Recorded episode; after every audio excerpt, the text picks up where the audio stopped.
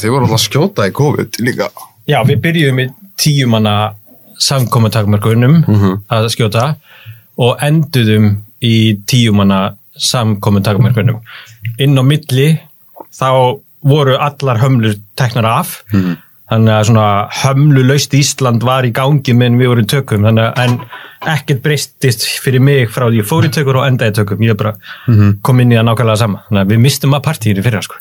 En, en, en hvernig, aðlaðist þá í rauninni teimið og hópurinn og við meina breytist, kálsítið eða tökuplanið, þurfti það aðlaðast þá hverju sunni? Já, já, já, við þurftum alveg ofta að sækja um undan þáur fyrir einhverja hópsinnur og eitthvað svona dóttir í. Við vorum með eh, Hermann á settinu sem bara styrði öllum aðgerðum og sá til þess að allir voru með grímur og hólfin væri, veist, alltaf rétt skipt. Mm að matarsalurinn væri rétt skiptur og maturinn kæmi rétt fram og allt þetta, sko. Og við fengum ekki eitt einasta smitt allan tíman, sko. Það er magna. Já. Það var náttúrulega ekki mikið búið að setja eitthvað fordæmi fyrir svona ráðstafanir fyrir þetta. Þetta voru ekki svona með svona, fyrstu það ekki? Jú, sko, þessi sami maður var með köllu Já. og hann eiginlega leggur línunar þar Já. og kemur með þær aðgerðir inn til okkar, sko. Já. Þannig að það var komin smá reynsla á þetta og það var bara óslega næs. Þannig að það var það besta þegar við gátum í raun og veru sagt honum upp uh, út í að þá voru engar aðgerðir lengur, þá var ekkert fyrir hann að gera hana. Um, en svo náttúrulega komu þær aftur, þannig að en þá var hann bara komið í annað verkefni en þá kunnum við þetta, sko. En hvernig er að vera með, veist, hausinn svona mikið, einhvern veginn fókusar hann á ja, stórt umfang og þessi séri að býður upp og bara tökuplanið og allt saman, allar, allar ákvarðanar, allir boltarnir sem leikstjóri og framlegandi þar hvort sem er að díla við. Hvernig var að mæta á, á sett og síðan bara eitthvað, heyrðu, ok, wow, það er svo þarna fundur eftir, eftir nokkrar og guðum að vita hvernig morgundagri verður, eða næsta vika og Já. var það ekki svolítið, hvernig var? við kliftu, eða sko ég persónulega klifti bara svolítið á umheiminn og leifði öðrum að sjá um þetta um, en þetta vann líka með okkur. Uh, mjög mikið og því að hérna við gátum verið á þessum túristastöðum að skjóta bara og enginn að trubla okkur. Við gátum leikt heilu hótelin undir okkur. Það voru enginn aðrir á hótelinum við þurftum ekki að gera sérstaklega ráðstafinu hvað það var þar þannig að uh, að einhverju luta þá uh, gerði það þetta miklu gerlegra fyrir okkur að vera vinn í, í þessu ástandi. Mm.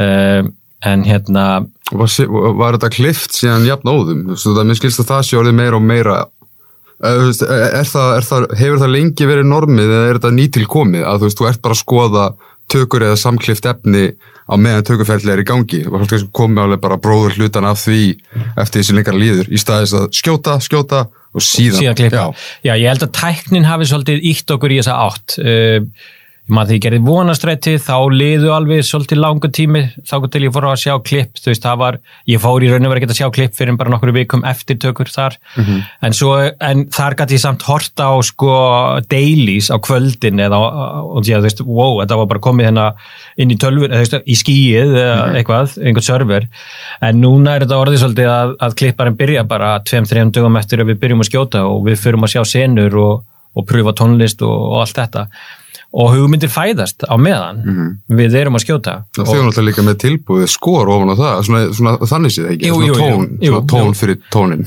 algjörlega, uppleggið var komið og hérna en svo sáum við ofta eitthvað bara ekki virka og, og þá þurftu við að finna eitthvað nýtt fyrir það og eitthvað.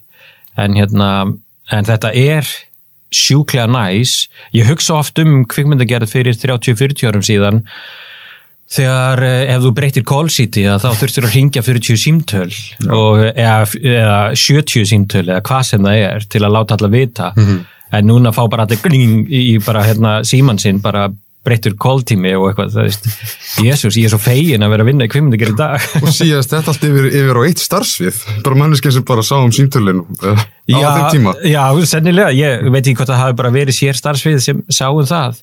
Og ekki, sko fyrir utan það að þú hringdir ekkert í neitt persónulega veist, það sem hann var bara með síman sinn þú veist að ringja heim til hans uh, skila, jafnvel eftir skila alveg rétt Já, já, flækistíð hefur verið töluvert meira þannig. Já, og ef það feilar þá fyrir maður að spyrja eftir viðkomandi. Já, akkurat. væri þá line producerinn sem ætti það þá erfið með, með, með, með þetta.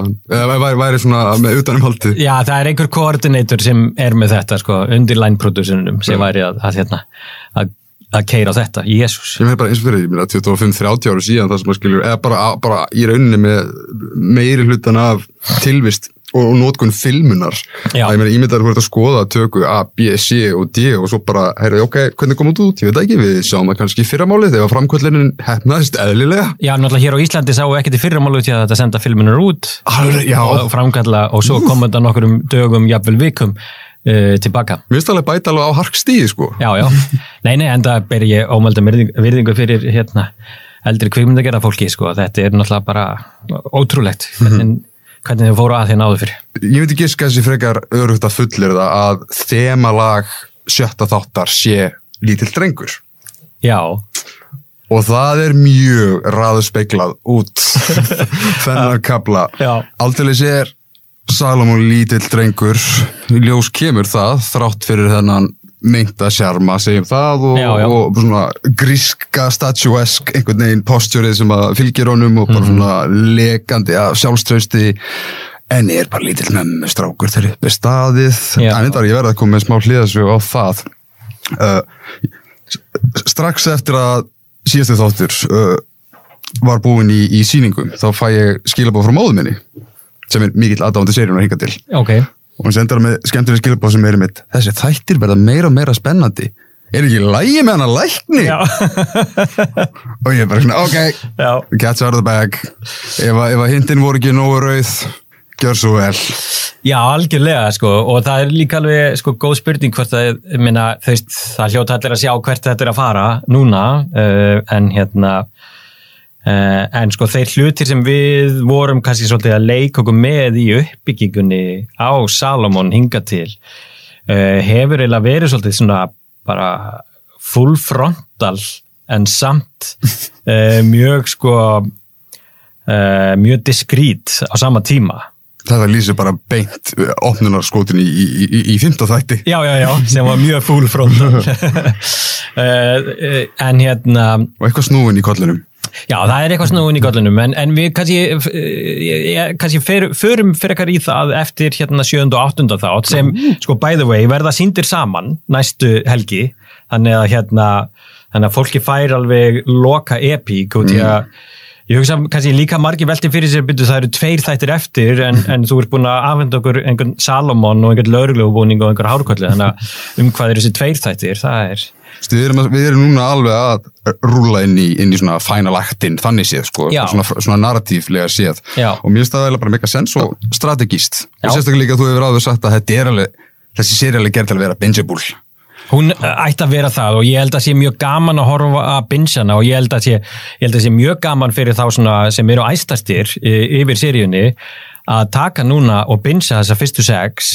fyrir næstu helgi. og það verða fullt af konfettmólum hana sem þið eftir að grípa á leiðinu og bara já, einmitt, ok. Í hérna. öllum litum. Í öllum litum sko. En ég held að sko ég, ég var sko alltaf svo spenntur fyrir þessari byrjun að finna líkið af hérna Marion Henderson. Mm uh, sem er uh, tilvísun í eitthvað? Já, það er nú tilvísun í eitthvað. Ég, ég kem að því. Já, þú ert svo glöggur. Um, og hérna, en svo var það þetta teik, sko, hvernig ætlum við að hérna, fara, veist, hvernig ætlum við að gera þessa senu þegar, þegar Salomon kemur inn.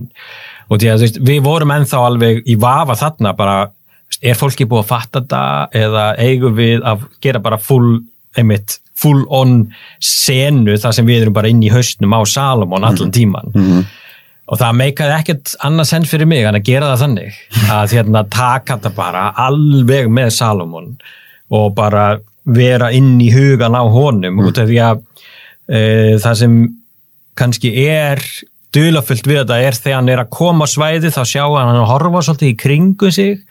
Hann er ekki alveg átt að sjá á aðstöðu þú veist hvað sé í gangi svæðið inn í kvítættjaldið já, inn í, inn í kvítatjaldið mm -hmm.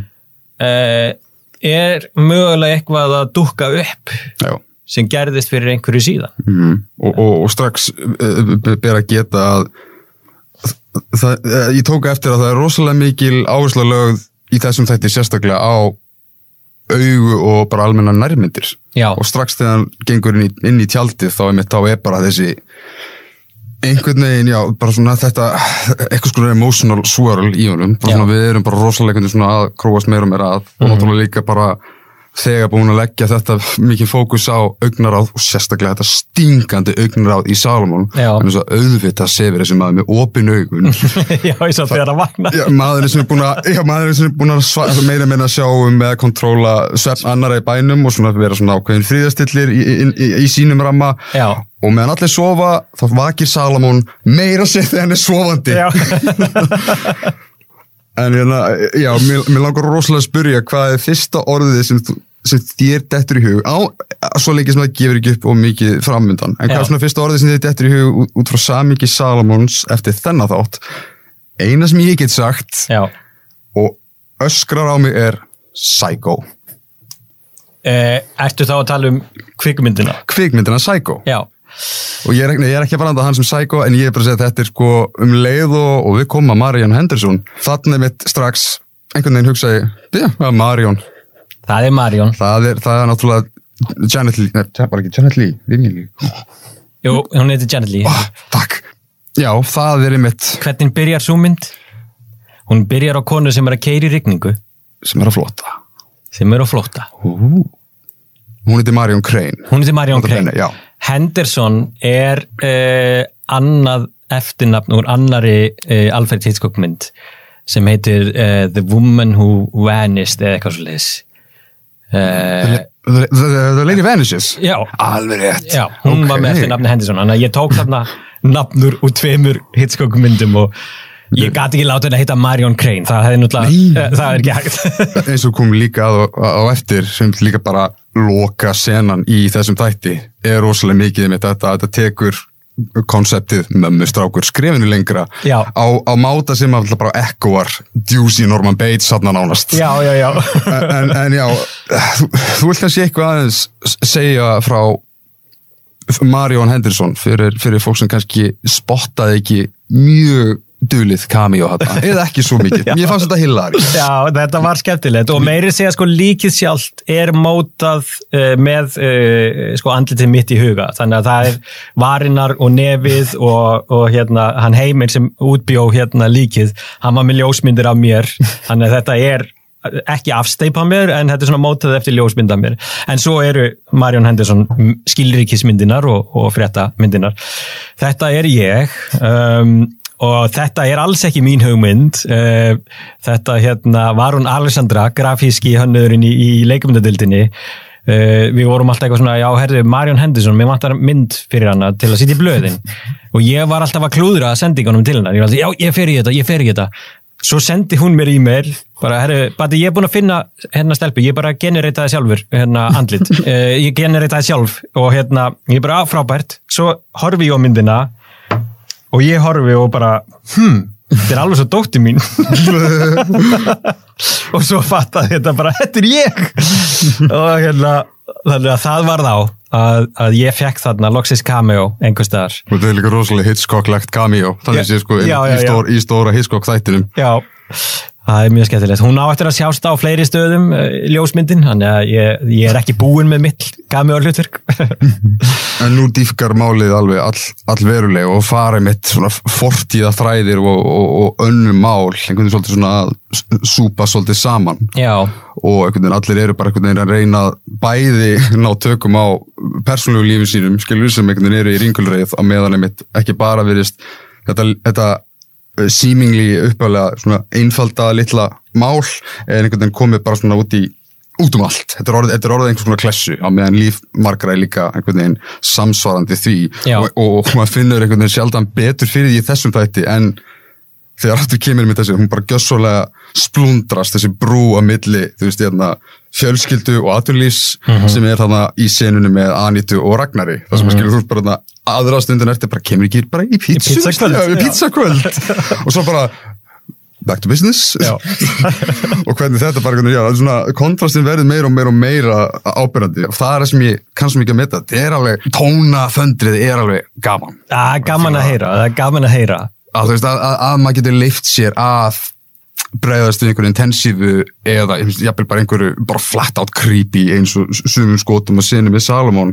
Já. og líka fengið að leifa sér að hlæja áfram yfir Gústa og Anitu og hverju sem þau eru að gera upp. Já, og ég elska einhvern veginn að uh, þegar, þau mætast þarna og hann er skilju, hún er bara, hún er bara heitt og vil, hann bara, aðeins hann vildi bara hafa til með. kósi með rauðvinnu, ekkert að gefa henni merki í, í skín og nú, nú kemur það lita, litablæti svolítið yfir sem er sko augum mín beintist að þessum rauða ískáp já, einmitt. Við fórum að hugsa hvort þetta geti verið einhvern veginn svona, svona symbolíserað fyrir svona ákveður raukt flagg en hann er samt svona lúðalega rauða flaggið. Já. og svo er mitt þegar líður að klæmaksinn með Salomón og Anitíu hann er bara sko, hann er baðaður í rauður ljósi þannig að hans meginn í stofunni. Já, hann er rauðasta flaggið hann er rauðasta flaggið. Og við sjáum það sko, hann er hann byrjar með þetta að missa kúlið. Já, svo mikið í þessum þætti.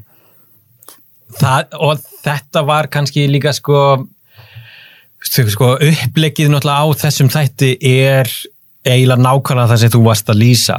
Það er einhvern veginn að uh, að sjá þessar tvær hliðar uh, í þessu, þess annars vegar persónulífið og vinnulífið, einhvern veginn bara svona splundrast við hliðin og hvort öðru. Uh, og, og hérna og opna Salomon aðeins betur og átt okkur á því hvað hérna uh, hérna er í gangi þar í þættinum og undan þegar hann er að tala um steinasöfnuna og, og þetta er þá svona eina sem eimir af mömmu ennþá. Svo tók ég bara við og hérna já, maður skilur það betur núna. Já, akkurat.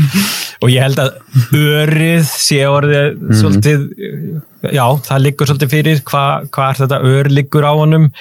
Um, en hérna Uh, við settum ákveðin fókus á herbergið í fymta þætti líka það, þegar hann lokar því í upphafsinnunni og fjólublái glúmin uh, hérna kemur út úr því sko. Um, um, og þarna uh, og, veist, og við vorum alltaf að fylgja liklunum eftir þá veist, hann setur li, likilin, hún opnar og augun horfir á, það sést ekkert mjög vel en, en, en liklakippan er fjólublá líka. Uh, við svona vorum að tala um það en ég og Jói tökumadur að hérna, hefðum ekkert að velja fjólubláan, hann er rosalega erfiður í er stundum e- auðvelt að tínunum Svo líka áhört í samingi þess eins og varst að nefna með að þú veist, í, í, í, í fymta þætti þá erum við svona ramma en ákveðna verald hjá Salomón bara í þessu 360 skoti skilju hann berskjaldaður, andlega, bóstalega mm. og, og meðan mjög, mjög áhugavert hvernig mitt þessi þáttur hefst í hunni á bara einhvers konar symbolísir um kosmos mér finnst það mjög næs já, það sem að, já, þetta er einhvern veginn bara, já, það kemur þetta worldspin sem allir er einhvern veginn komnir inn í. Já. strax bara frá fyrstu sinu þarna með Tomma, strax búin að finna strax komið nýtt lík framaldið af Dalalík og Lögulík Já. en, en sem sagt svo náttúrulega bara einhvern veginn koma allir að og, sko, og meiri sér sérfæðingarna sunnan er núna bara, ok, what the, bara, bara hendur upp í loft. Já. og eins og talar um að það er þessi, uh, þessi, þessi tókstræta milli persónleikslífs og, og, og, og, og atvinnulífs þá líka er einmitt upplifið svolítið eins og þetta sé bara hjúpað í einmitt bara svona sífælt einhvern veginn svona meira svona drinjandi svona fortíðar bergmáls. Já, aspektin, það er náttúrulega bókstaflega sem að fær Salman svolítið til að já, missa kúlið og vera svona að revíla sig einhvern veginn m- meira en fyrr. Þetta er- yfirleitt svona meiri hluta þetta er svona einhvern veginn konveyjað í eða bara svona mjög mjög kalkulerum distans og, Kolbeitt selur þetta sko. Hann nefnilega gerir það og, og að vinna með kolla uh, þetta hlutverk uh, er búið að vera ótrúlega áhugavert. Og ég er eiginlega bara ótrúlega hissa að þessi leikari sé bara ekki búin að leika meira en raunberi vitni sko. Já, ég verður að vera sammála, ég NDB síðan hans. Já, uh, en vonandi bara gerist það í hérna og ég, ég hef fengið sko uh, skilaboð einmitt líka um bara þe- þessi, hérna, sem leikur Kolbin Já. hann er ógeðslegur, bara nei Kolbin er ekki ógeðslegur, nei sem leikur hérna uh, Salomon, hann er ógeðslegur bara, já Salomon er ógeðslegur en ekki rugglan við Kolbin hann er, hann er indislegur hann er aldrei rugglaði sá en hérna Uh, en sko við náttúrulega erum ekki endilega en, ennþá komum með alveg á hreint hvað það er sem er skakt við hann. Þú veist nei, það nei. er eitthvað mjög skakt við hann og hérna en það verður gaman að fylgjast með því. En þessi sena þarna í sófanum þessi langa samtalsena þeirra sem er sko verulega þjætt og stitt útgáfa af senunni hún var, hún var mun stærri og lengri og lengri uppbygging. Ég myndi með það, þessum þau eru bara svona að leggja svolítið bara strax að undir smásuna bara, bara svona, þeirra samfélagi eins og að leggu sig og þau eru bara svona að eiga svona sinn debatt um hérna bara eh, svona, svona, svona clashing lífskildi og mér magnaði mitt í því að í mitt þessari skoðun beg, uh, ólíkra póla þeirra þarna verður hann meira og meira og meira aggressífur. Já, og verður mitt bara svona hann bara, bara persónugerfing áböldismannsinn, skilur einhvern veginn allt frá hvernig hann skilur einhvern veginn hvernig hann sér hlutina, hvernig hann upplifir hlutina. Já, líka bara út frá minnstunum að sem hann þarf alltaf að vera, skilur, þess að stjórn og svefninum. Og í tilfelli Anita hefur þetta verið sérstaklega va va vafasamt, það sem skilur hann einhvern veginn verður alltaf, hann kemur í leif til að sofa, hann, mm -hmm. hann er að hann er að, þú veist, það byrja henni lif á þess að hún viti. Og í þessu sérstaklega grós momentið eftir að við komumst að því að hann myrðir ömmuna. Já, svo er Anita að díla við þær fréttir á svona fleirum og hann svona tekur hann að huggar hann að sér og í sver mér leiðin svo ég hafi fundið svona fólíað svona, svona sniffljóð svona eins og hann er að þefa hárunum á meðan og ég bara "Ah!" það væri svo Salomón Já, já hann, er, hann er með einhverja ástæði fyrir því að, að hérna, heimsækja ömmuna og, og taka þessa ákvörðun uh, hún í kjölfar ákveðin að tryggjara fram að þessu með einmitt myndaramma og bara fortíðina sem hann Já. einhvern veginn hafa svolítið bara einhvern veginn satt, hann, hefur einhvern veginn hingað til í hans sömur einhvern veginn náðu að gera bara fokkit annað frá sér yeah, einhvern veginn skilju, ný Salomón, nýtt líf Já. en það er ekki svo einfalt og sérstaklega einmitt í einmitt uh, þessu debatt Anitu og, og, og Salomón sem bara Já, þessi er bara, lí, bara lífskildi, bara þeirra, þeirra idealisman ánast.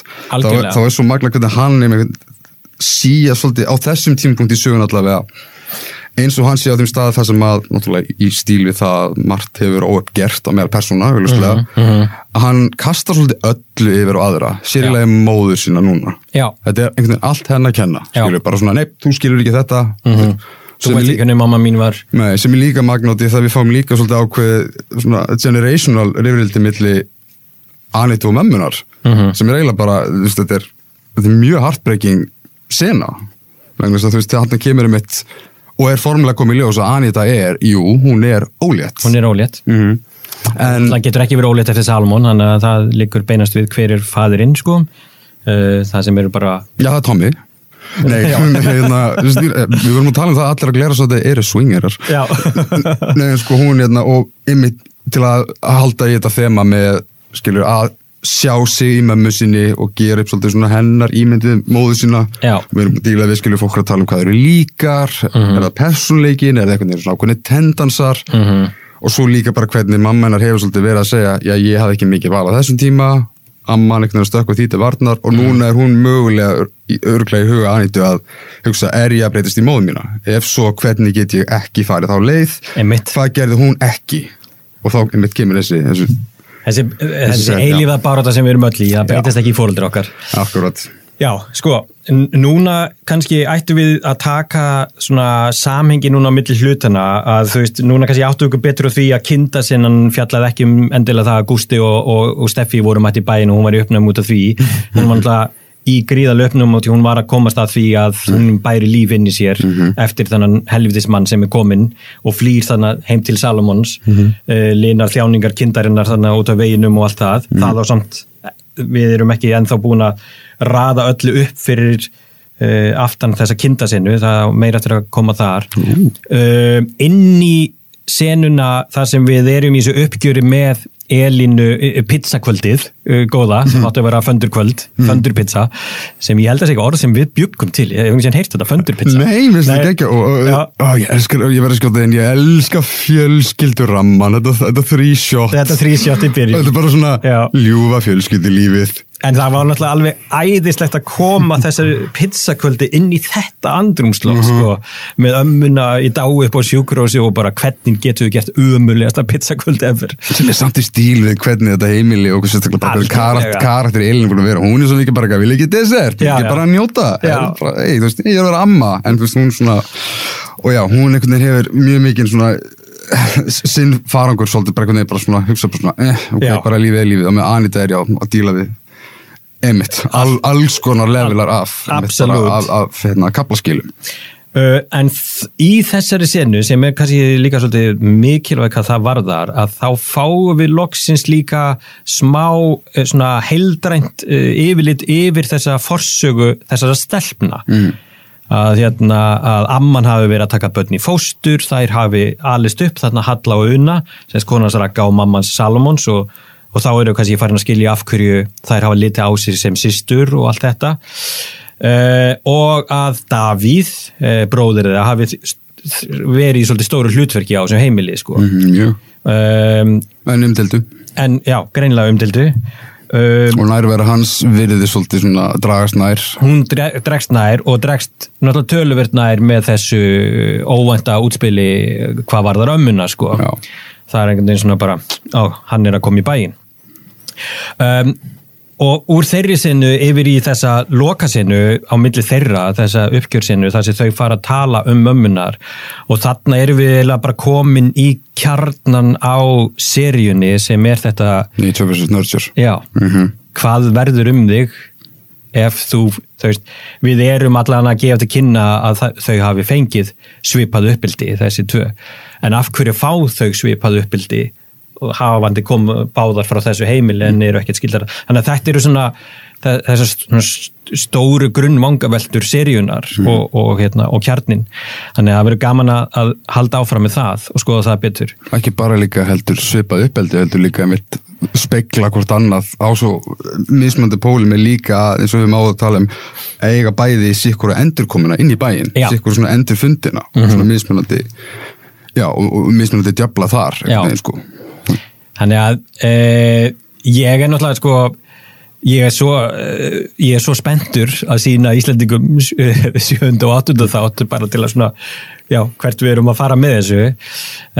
En, en ég held að þetta fyrir mér var í raun og veru það sem e, sko fekk mig til þess að bara svona já, þetta er serían sem ég vil gera þegar þetta púslæs allt saman og þegar við náðum að ramma þetta allt síðan inn í þessa stóru heild sko. Um, og uh, ég er um, mjög vongóður um að Ja, já, ég ætla að segja það, ég, ég er mjög vongóður um að, að valda ekki vonbriðum með síðustu tvo þættina, bara orðaða þannig. Ég vissi að það væri einhver ástæð fyrir því að ég væri alltaf einhvern veginn svona ég hef alltaf haft góða væp fyrir fríðu Já, hún leynir á sér guðmun álmáttur Já, hún er svo er skemmtileg geggjuð. og hún er svo chill yfir Já. eitt besta mómenti líka hana sem er það- hvort var það besta eða finnasta fjárvestasönnun sem hann hafði séð já bara besta fjárvistusönnun, minna, ef þú ætlar að búa til já. þá býrðu ekki til þessa fjárvistusönnun. Þá er verið að skoða eitthvað klám á internetinu þetta kvöld og ert með staðfestingar á einhverjum síðum og kaup og veist, þetta er bara, já, það, hún er æðisleg og hérna, uh, og þessi sena er náttúrulega alveg bara, alveg frábær og, og hún, hún þróaðist náttúrulega rosalega mikið á settinu og að við náttúrulega skemmtum okkur svo mikið við að taka upp þessa senu. Um, og þetta, þú veist, herri ég fyrir þá heim í gallan, lauruggallan, þetta eiginlega bara svona kom upp úr láru, sko, þetta var ekki skrifað, það er alveg frábært moment.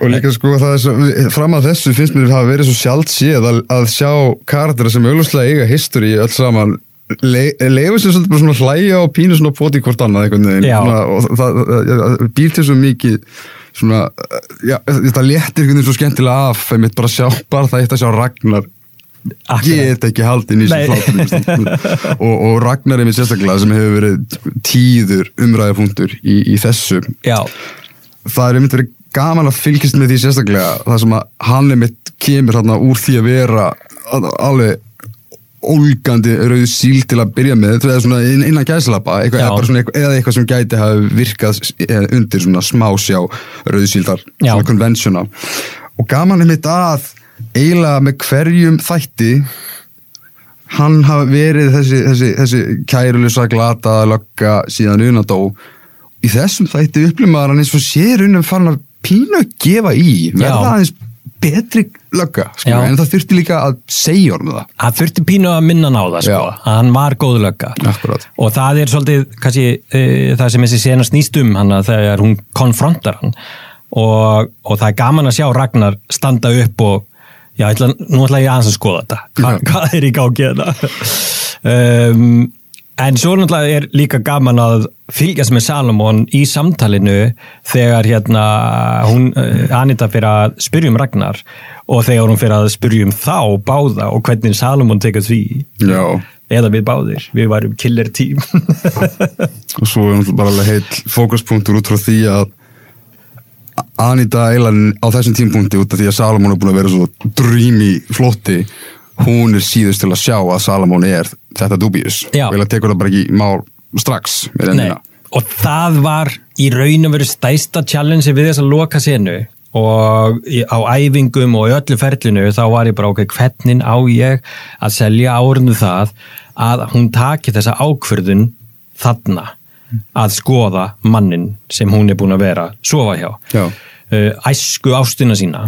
Um, og hlaða í það. Og þetta þurfti, við þurftum að fylgja þessu alveg eftir í gegnum líka samtalið ha- hana, hennar við Ævar eða við hérna Gústa að þegar hann triggerir hana með þessu, en hvað með Salomon að það trigger hana, Aha. að hún takja raunverulega inn þó hún sé að verja hann. Og þessi, þessi punktur þegar hún er að stendur henni fyrir utan og horfir á bílinn hann Salomons og ákveður að taka töskunum með og skilja eftir gögnin. Þetta er, sko, hún bara já, herðu, Fríða, hún og Salomon, þau eru öll á þessum gráum jeppum, þetta er svona, svona leynilöggu hérna uh, eða þetta er svona, svona einu svona bó, bó, bó, detective uh, dæmið Sandbílinn sandbílinn sko. Um, en svo þarf samtalið þeirra að eskuleita þannig að hún taki þessa ákvörðun þegar hann fer á klósitið og þarna er valdið tekið úr hans höndum. Þarna er hans svæfður. Loksins gerir pilluboksið hennar eitthvað. Já. Hvernig viss hún af pillunum? þetta er, er, þetta er hennar pillur. Ó, já, já þetta- var hennar taska, þetta er taska sem Já, hún tekur með inn. Hún Ah. ákveður að skilja gögnin eftir en tekur þetta, þannig að þetta er farið að krauma í henni. Ekkert endilega svæfa hann, en hún allavega hún er farin að spyrja sig einhverju, áðun og labbarinn. Mhm. en svo náttúrulega bara kemur henni algjörlegur jafnvægi með þessara ræðu og þegar hann fer að tala um bílslis sem við höfum ekki heist á minnst áður. Nei. Uh, sem, sem Anita var, uh, hafði sa sagst vera fegin að hann, Hann lifði af, af. Ef, ef ekkert annað, hann allavega lifði af. Hann lifði af. Uh, og svo fer hann að tala um allt þetta sem hann er að skoða í umhverfinu uh, vatnið, mengun í söndunum og allt þetta og þetta tengist allt þessu asmadæmi, þú veist, hann er uh, hann er líka um, allavega mögulega að gera eitthvað gott í samfélaginu Ó, það það þá rétt spotað hjá mér hann gera góða hluti af, ástöðum Já. eða svona gera, að, tellja sig gera góða hluti af raungum ástöðum Já. og það er líka mitt nákvæmlega þetta skóp líka er svolítið það er svolítið undir þráður í þessum þætti upplifið ég sem, sem ég mitt súmast þarna upp í, í, í, í svona lí, lítilli ræðu svona, myndi ég segja, hjá, hjá Ragnari við, við Anitu Mhm. sem er mitt bara þetta að af hverju gerum við ekki neitt? Stundi kemur þetta bara niður að tíma peninga og mannskap og resursum og hei, hey við erum bara mannleg. Bara, ég, bara, við þurfum meiri mannskapi á þetta að vera sint svona eðlega og í þeim fókus er mitt þetta já, þessi, krupningar síja. Af hverju fær þessi af hverju fær þetta hérna, fórnulab krupningu en ekki þetta? Já, og já, þarna einmitt, ég held að þetta kristall, ég held að þetta kristallast svolítið eiginlega meira en áður hinga til í, í bara svona velunum um mestu svona motherfucker svona útlendinga hatursfrasin sem er með þetta. Þetta er ekki eins og íslendingur? Nei, það var engin press á þeim. Nákvæmlega. Bara, bara hendur hann í sendibílin Já, ég, og ég held að því miður sé svolítið mikið sannleikskorn í, í Já. þessari línu sko. það þetta er einmitt allir þessir þræðir sem við erum svolítið að koma inn á einmitt eru svolítið að leiða að einmitt sofasamtalinu, mm Mhm. -hmm. skilur þarna sem er, það sem svona hlutir eru til umræðu, Já. Já, ég meina svona voru hlutir bara á þeim tíma þau vissi ekki betur, Salomon Mhm. reytur úr sig að það er ekki afsökun, það er alltaf, alltaf öðrum að kenna, hann, Mhm. er ekki, hann er ekki mikið í introspeksjóninu en svo þau komum líka að því sem þú nefndir áðan sem að bara það að kíkja á það sem að baki liggur aftur veist, að fara inn í seríuna núna og bara inn í fyrsta þáttin með þann, þann hugar farangur að veist, það, við bregðust öðru sér við Anitu hann að þreytta að mæta á uppalega kræmsýnið í bílnum Já, já. þegar við vitum stærri, söguna sem er með þetta að Gústafdramað óléttan, oh shit. Gömlu minningarnar við bæinn, við Glerársand oh fuck, ég er að fara til móðu minnar. Já. þetta áttur að vera bugun. Og, og, og sem eiginlega líka setur aðeins meiri vikt ekki það var ekki vikt fyrir, en það setur enn meiri vikt á hérna, Þú veist, þetta er bara, skilur, þetta er það sem að, maður myndi eðla gera fyrir að hafa verið dropin sem fylgti yfir fulla mæli. Mhm. og þannig að já, mér finnst uh, Anita taka við fleiri svona dildum leiðurum og, og, og mér finnst Aldís algjör snillingur í þessu hluturki og ég fíla líka svona hvernig hún er gjössamlega einhvern veginn svona ódregnulegt Því ég eh, veit ekki hvort ég hef talað mikið um það í, í podcastinu hinga til en sko hlutverkið sem Aldís er að fara með í þessari serju uh, sem hennar fyrsta aðal hlutverk þetta, er, þetta er alveg risa, risa fucking stort sko. Já.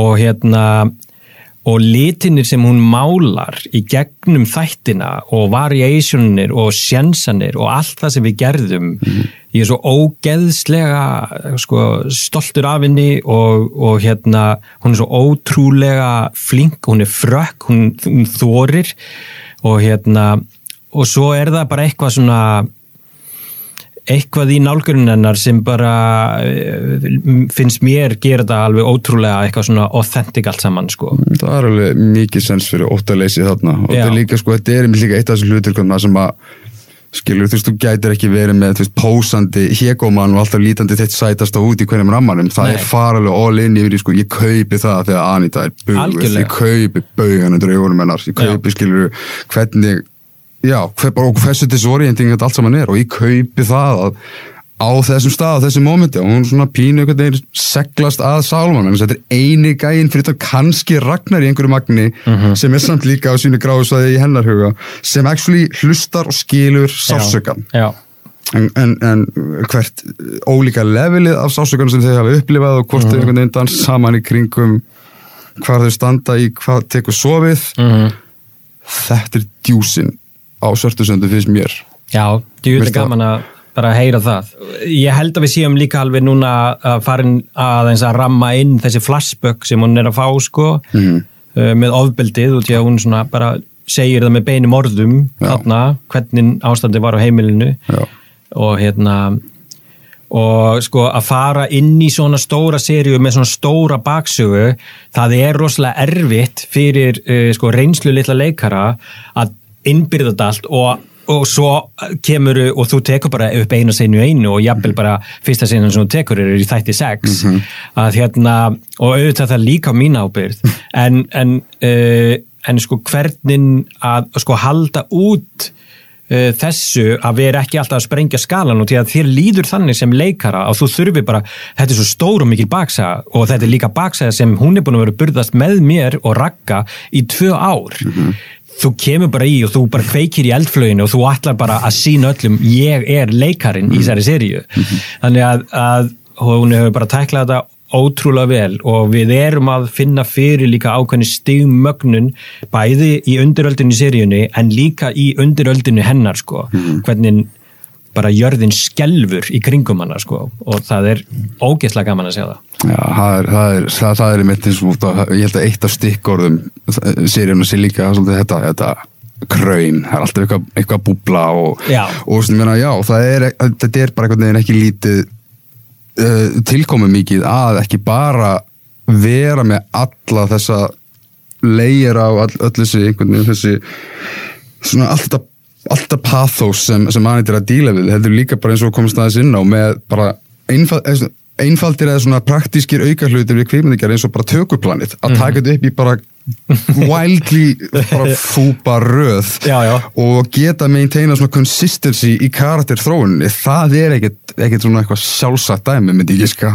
Nei, Þannig að- það er, það er alveg, það er ótrúlega Það skrifast flókið. líka þig. Þetta er bara, Já. oh shit, shit, shit, þú, þú, varst að, að gráta í gærkvöldi í þessari senu, svo, Já, já. svo bara einmitt, hérna, ok, næsta allir gátir og ástofngin í þriðju. Og... Absolutt sko, og, en sko, það, það, sko hún undirbjóð sér svo ótrúlega vel og, og ég þurfti ekki mikið að hafa fyrir henni að, hérna, að minna ná þú veist, réttu staðina. Það er mjög, e, sko, þetta er flókið að, hérna, að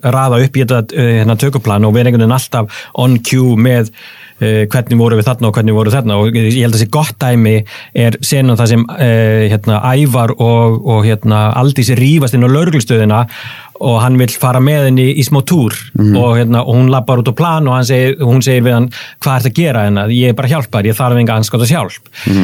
Við skjótum senuna á planinu bara á degi þrjú fjögur í tökunum. Við skjótum senuna inn á lauruglustöðinni á svona fymta síðasta tökudegi fjórum mánuði setna þarna kemur líka kostunum við það að vera búin að klippa og græja. Og því að hérna ég byrjaði að, við byrjum að rúli gegnum hana nokkur sinnum og ég svona og ég man hvernig, ég horfði kvöldi áður á senuna svona wow, ég get ekki lengt þennan fyrirluta við þennan setni hluta. Einmitt. þannig að við erum bara á kolvillisu stað hérna þannig að ég fór bara til þeirra herru, hérna, nú ætla ég að sína ykkur senuna við horfum að senuna, við þurfum að hafa efni á þessu reyfildi sem við gerðum fyrir fjórum mánuði síðan. Og þá kom þetta þannig að þetta er Uh, og þetta er hlutverk nokkura á setti. Veist, það er skriftan og það er leikstjórin og það eru leikarannir og, og öll verður við svolítið að vera vör um þetta. En svo eru leikarar svo misjafnir þetta er svo misjöfn tól uh, og líka eftir aldri og hvað þau mentuð og allt þetta að til dæmis eins og Steini Bakk og Steinun Ólína og, og þessi leikarar, þau koma af allt öðrum skóla veginn en, en yngri hópurinn. Og ég uh, þegar ég er að díla við Steinunni að þá uh, erum við að byrja alltaf miklu miklu stærra og við erum alltaf að tóna okkur niður í, á rétta stað þar sem þá getur ég komin á þann stað sem ég Einmitt. og hérna uh, á meðan kannski maður er að vi- vinna stundum öfugt með, með yngri leikarana um, en svo er bara uh, og þetta er kannski líka hlutverk leikstjórnans sem er svo mikilvægt að, að fatta hvern og einn, hvernig er best að vinna með. Algjörlega, það, það er engin eins Ég, myndi með segja þetta hvað best súmurar upp það að vera að stýra skapandi teimi það er það eitt, sko það eitt og sér að vera meðvitaður um að hver og einn hefur sínum mismöndi stillingar og að geta og vilja stuðla að því að aðlagast mismöndi leiðum og farvegum í átt að hverju sem það er, hvað er innistæðið sem kemur upp á, má segja. Nei, og ég held að ég hafi bara lært þetta bara mjög hart í óra á sinni tíma og ég, ég gerir mína fyrstu mynd með veist, tíu úlingum og þau eru öll misjöfn eins eins og við öll erum og hérna og þetta var til dæmis bara munurinn á Haraldara og Atláskari á meðan Haraldur Ari var svona típa sem vildi að æfa og fara vel yfir og, og, og passa upp á allt og Atli Óskar vildi helst ekki sjá handritið. Og þetta, þeir, þeir tveir þurftu síðan einhvern veginn að fungera saman. Alli, Uh, og þetta var mjög skemmtilegt og þetta eiginlega bara var svona herðin Baldvin, svona er leikstjórn sko. þú ert bara með alls konar fólk. Og þú þarf bara að finna leiðina til að stilla saman strengi hjá öllum og, og, fá tilfinningun allir síðan í sama leikriti sko. ef upp kemur eitthvað eins og spuni eða svona viðbættu brandari sem kemur út frá karakter, er það frá handrið svo yfirlestra stíi eða kemur það einhvern veginn bara í mómentir í tökum? það getur alveg verið bæði mm. veist, til dæmis bara eins og samtalið um seríuna við líkskoðununa er spunni sem kemur upp á æfingu heldur áfram að þróast í tökum Gesta þreytin. gestaþrautin uh, en hérna en, uh, en svo eru svona þau hlutir eins og þegar Fríða segir ég fer þá heim í hérna gallan, löggugallan hún segir þetta minni mig fyrst eða annari tökur og þá ákveðu að halda þessu bara herrið, þú heldur áfram með þessa lína, þessi lína er frábær sko. Og hérna en svo getur þú líka því svo steini gerir og, og margir gera að þeir sprengja stundum settin sko. Og það kemur einhver viðbót og þetta, ég lendi í þessu alltaf með Móra í hverju einustu senu sko. Það kemur eitthvað sem sprengdi senuna engi bjóst við því og þá var svo gaman þegar allir heldu það út og, hérna, og gáttu haldið áfram með, með hérna, línunar það, sem var að detta inn sko. Um, svo á ég það stundum til að bara henda senuna algjörlega og láta hana bara, herðu, eitthvað markmið er bara að finna hérna, þennan stein. Uh, hann er að fela hann þú ert að reyna að fá hann. Mm. gleymum öll línum, bara sjáum hvað gerist Ég líka sko með þetta bara að bara skera niður lengdir á, á kvikmyndunum þegar þú hefur lendið í því sko, Meina, þú veist, hefur ekki oft, er ekki svona, svona fyrir, fyrir listafólk svona ákveðin bara þetta með þess að hvenur eftir að tálka og svona, svona snirta senurnar eftir því sem sagan býður upp á og hvenur eftir að snirta og tálka og styrta bara þess að þú ert bara orðin svo gegn sósa af þínum eigin mm -hmm. upplifun að sjá sama aftur og aftur og aftur bara, mér langar bara að komast fyrir að þessu. Svona, er er ekki svolítið ákveð level að spyrja sjálf þessi alltaf af hverju er þetta að fjúka? Er þetta pace, er þetta raunverulega kannski tvítekning og eitthvað sem áður kom Mhm. eða bara er ég bara búin að fá fokk og gæs, við skiljum hvað er að tala um Já, ég veit að það, það er erfiðast þegar maður er komin á fokk ógeðstæði sko. og því að þá, þá er ég, þú veist, þá er maður orðin stressaður um að sé farin að, að skemma söguna um, ég meina sko, ég ég held eins og peysið á svörtusöndum sem er jú vissulega frekar sló en, en ég allan hef alltaf tilfinningunni að þetta að þjóni ákveðnu tilgangi mm. og hérna og ge, veist, gerir heldina og því að þú veist ég hugsaði svörtusanda ekki sem þáttur með upp af miðju og endir þáttur með upp af miðju og endir ég hugsaði svörtuserju sem serju með upp af miðju og endir mm -hmm. þetta er hugsað eins og bíómynd mm -hmm. um, uh, auðvitað þeist, með einhverjum svona smá fræjum til að hérna, koma uh, einhverju svona uh, einhverju kliffhangurum og öllu þessu bara, bara og góður reyfari. Lífum hengin já, já, lífum hengin er, er ég með smá sögu sem ég komst að bara nýlega sem áttur að sprengja þar hausin hérna, og þannig fer ég hringin sko því ég er búin að nefna móðum mína fyrir þessum þætti. Já. þetta kom út frá því að hérna, uh, getur, getur ekki verið að hérna, exteriorinn hjá Elínu, húsennar Elínar Já. er þetta á kirkjubæklustri? Þetta er á kirkjubæklustri Já, uh, ég komst að þessu fyrir bara bókstala fáinu dögum síðan Já. að sem sagt, móður mín er gift manni sem heitir Valgir Ingi Ólásson, það er stjúpappi minn Já. hann á móður sem býr í þessu húsi Nei, og hann, stjúpappi minn Valgir hann var á setti svörtusanda í alvörunni? Á með að þið voru með nættutökur þar og notandi exteriorinn og ég er bara wow, ok. Ég, þannig að ég hafa með allt í einu skyndilega DNA-tengingu við sérstu samt að algjörlega ólíkt einhverju sem ég bjóst við. Já, en frábært. þetta er magnað, ég er bara að varst þú á kvikmyndasetti? Með, með gömlu. Æst, ég, ég hafði eitthvað svona lauslega heyrt að það stæði til að nota uh, hús hérna, stjúpæminar fyrir einhverja tökur eitthvað bla bla bla. Já. og ég hugsaði svona að þetta kannski skilur eitthvað svona eitt af mörgum svona bara einhverju já, já. exterior ekki þetta hús sem hefur fungað með að blóti sögunar Það er frábært maður, já, og því hann var algjör trúper sko og þau bæði að hérna leifa okkur þetta og því að Þetta er ekki ekki að location Þetta Ég er ekki að neita ógeðslega því. Ég var hann mikið sko. Já, þetta bara eh, og náttúrulega það er megninu til þorpið tekið upp á kirkjubæklustri þannig að það er gler á sandar og interiornin já, já. Já, interiorunir eru eiginlega allir hérna í bænum en við líka sko, þú veist, sko þar sem velkomandi glerosandar skiltið er, það er ekki sko fyrir utan bæin, þetta er inn í miðjubænum eða við hinn enda bæjarist þú ert búin að keiri í gegnum hann. En þetta var bara eitthvað svo mikið entrans vegur. Absolutt. það var bara svona, hér er entransvegurinn inn í þorpið. Uh, en svo er þetta líka hana, eru húsin hann í sveitinni í, í kring sko og við bara svona fóru svolítið svona ósark leiðin að þessu. Það er engin eiginleg bæjarmynd. Þetta er bara svona strjálbílt uh, hérna uh, þorp sko. Um, og það er líka, það sem er gaman við það það er að einangra alla karaktera í sundur og fá ekki á tilfinningunni að það sé beint samfélag sem stendur einhvern veginn saman heldur svolítið svona sundrað uh, place sko. Og verður að vera allt undir kontról Já. bæjarhetjunar já, Mér lang- mér langar beða við að sjá fólderinn sem innihaldur hversu mörg skilti þið gerði fyrir allt svona glerárs eitthvað. Það er ekki eitthvað svona hótel glera og eitthvað svona hér og Jú, já, já. jú, við gerðum nefnilega slatta af live eh, skiltum uh -huh. það er náttúrulega sérstaklega hérna heildverslun G. Páls sem ég er í miklu uppáldi hjá mér, Það er bæði auðlýsing sérst á, á hérna ískapnum og svo þegar inni mitt þetta þetta skot þegar þú keirir inn í bæin þá sérðu hana risstort uh, skilti það sem er á gráhúsi sem er hérna einhvers konar fiskvinnsla hann á kirkjubæðaklustri klustur bleikja. Að hérna Uh, G. Páls er sett Gunnar Pálsson, leikmyndahönnöðurinn um, þannig að hann fekk þarna uh, hérna, heildverslun G. Páls í, í, í sitt, sitt nafn.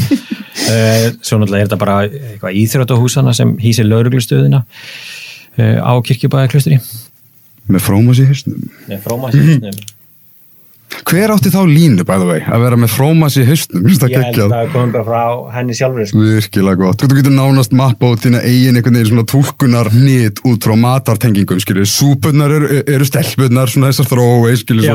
Hambúrgararnir eru, skilju, simplisum sambandið eða commitmentið til sambandsins Já. og svo ertu með, skilju, já, desertin er svona, ok, ég er að fara alltaf djúpt í þetta, en komið góður, þetta er gaman. En þetta er, já, mér er skemmtilegt að heyra þetta sko, þetta hérna, þetta var alls ekki meiningin hjá okkur, en, en mjög skemmtilegt.